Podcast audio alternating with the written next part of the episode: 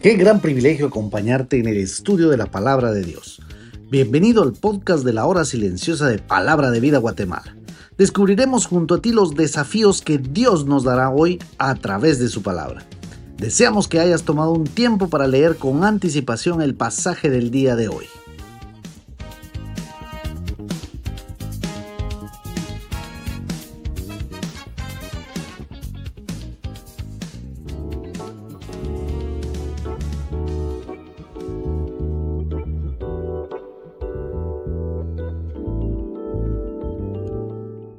Qué bendición es estar nuevamente con ustedes en el comentario de la hora silenciosa de palabra de vida. Hoy estamos en Ruth capítulo 3 y leemos en la nueva versión internacional. Un día su suegra Noemí le dijo, Hija mía, ¿no debiera yo buscarte un hogar seguro donde no te falte nada? Además, ¿acaso vos, con cuyas criadas has estado, no es nuestro pariente? Pues bien, él va esta noche a la era para aventar la cebada. Báñate y perfúmate y ponte tu mejor ropa. Baja luego a la era, pero no dejes que él se dé cuenta de que estás ahí hasta cuando haya terminado de comer y beber. Cuando se vaya a dormir, te fijas dónde se acuesta. Luego vas, le destapas los pies y te acuestas ahí. Verás que él mismo te dice lo que tienes que hacer. Haré todo lo que me has dicho, respondió Ruth. Y bajó a la era e hizo todo lo que su suegra le había mandado. Booz comió y bebió y se puso alegre. Luego se fue a dormir detrás del montón de grano. Más tarde Ruth se acercó sigilosamente, le destapó los pies y se acostó ahí. A medianoche Booz se despertó sobresaltado y al darse vuelta descubrió que había una mujer acostada a sus pies ¿Quién eres? le preguntó. Soy Ruth, su sierva.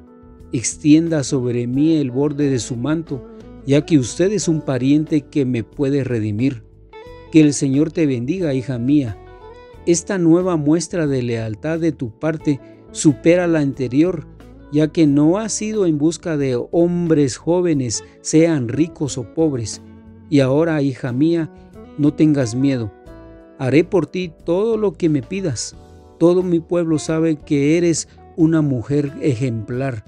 Ahora bien, aunque es cierto que soy un pariente que puede redimirte, hay otro más cercano que yo. Quédate aquí esta noche. Mañana, si Él quiere redimirte, está bien que lo haga. Pero si no está dispuesto a hacerlo, tan cierto como que el Señor vive, te juro que yo te redimiré. Ahora acuéstate aquí hasta que amanezca. Así que se quedó acostada a sus pies hasta el amanecer y se levantó cuando aún estaba oscuro, pues él había dicho que no se sepa que una mujer vino a la era. Luego vos le dijo, pásame el manto que llevas puesto y sosténlo firmemente. Ruth lo hizo así, y él echó en el manto 20 kilos de cebada y puso la carga sobre ella. Luego él regresó al pueblo. Cuando Ruth llegó a donde estaba su suegra, ésta le preguntó, ¿Cómo te fue, hija mía? Ruth le contestó todo lo que aquel hombre había hecho por ella y añadió, me dio estos 20 kilos de cebada y me dijo, no debes volver a tu suegra con las manos vacías. Entonces Noemí le dijo, espérate, hija mía, a ver qué sucede, porque este hombre no va a descansar hasta dejar resuelto este asunto hoy mismo. Hasta aquí la lectura del día de hoy. Durante las semanas de la cosecha de la cebada y el trigo, Noemí tuvo suficiente tiempo para hacer su plan, y cuando el tiempo llegó actuó decididamente. Sin duda Noemí era muy perseverante. Había determinado buscar que su nuera tuviera descanso y seguridad haciendo que se casara. La costumbre era que los padres judíos arreglaran el matrimonio de sus hijos. Buscar hogar literalmente significa hallar descanso, asentarse y vivir con seguridad en una casa con su marido. Noemí indicó que puesto que Booz era su pariente, podía actuar como pariente redentor de Ruth.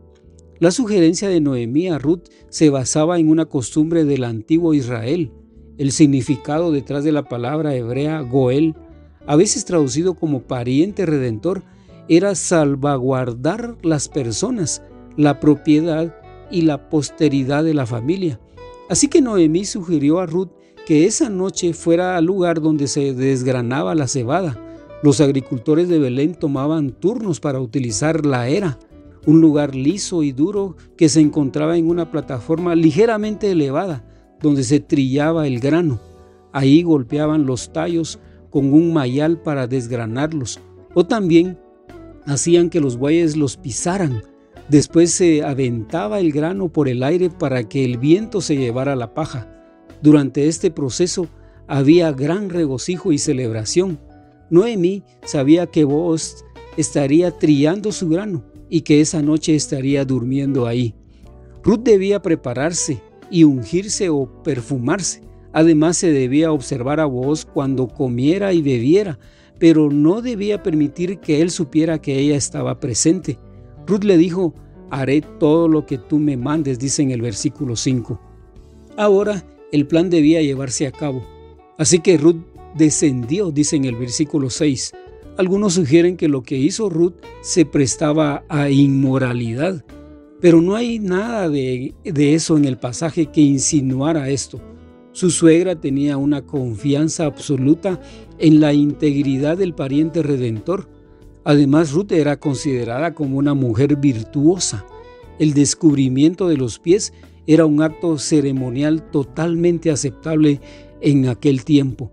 Vos dormía en la era para proteger su cosecha de los ladrones de grano. A la medianoche algo sobresaltó a aquel hombre, se volvió y aquí una mujer estaba acostada a sus pies. Acostarse a los pies de su amo y dejar listo para cualquier orden del amo era una costumbre judía de total humildad y sumisión. Ruth dijo en el versículo 9, extiende el borde de tu capa sobre tu sierva. Y aquí borde significa canap, que en el capítulo 2 y verso 12 se traduce alas. Aquí ella utilizó una imagen poética basada en la bendición de Booz él podría hacer que se cumpliera su propia bendición al convertirse en su pariente redentor, proporcionándole la seguridad del matrimonio. De inmediato, Boaz bendijo a Ruth y utiliza la frase hija mía, que era un recordatorio de la diferencia de edades que había entre ellos.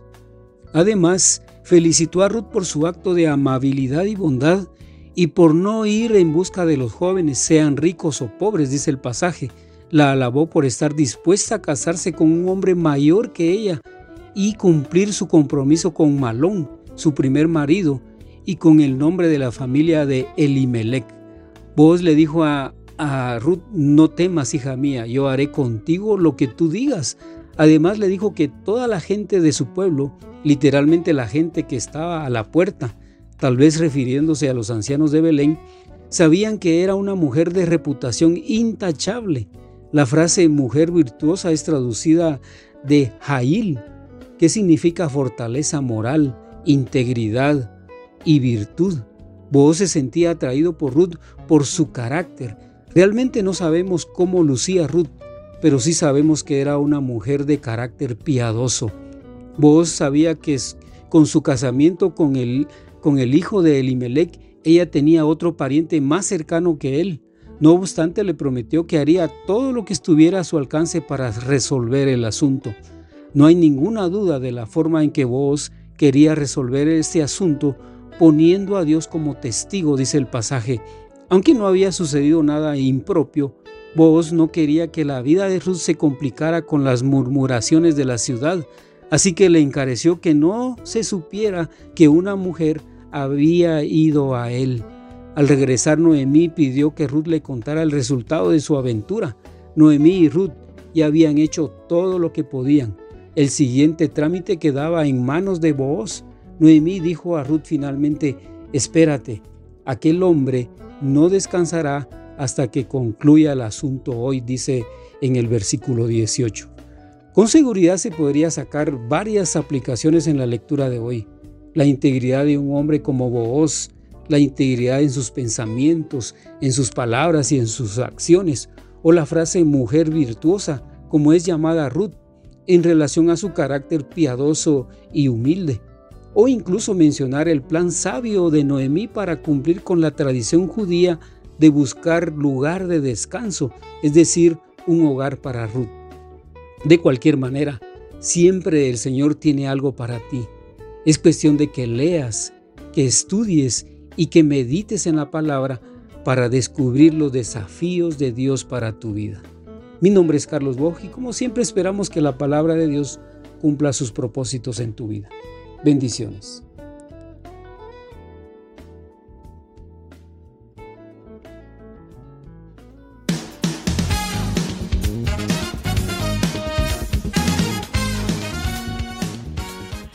Es emocionante saber los tesoros que Dios tiene en su palabra para nosotros. Ayuda a tus amigos a que descubran la voluntad de Dios para su vida. Comparte este podcast con ellos. No olvides seguirnos en nuestras redes sociales.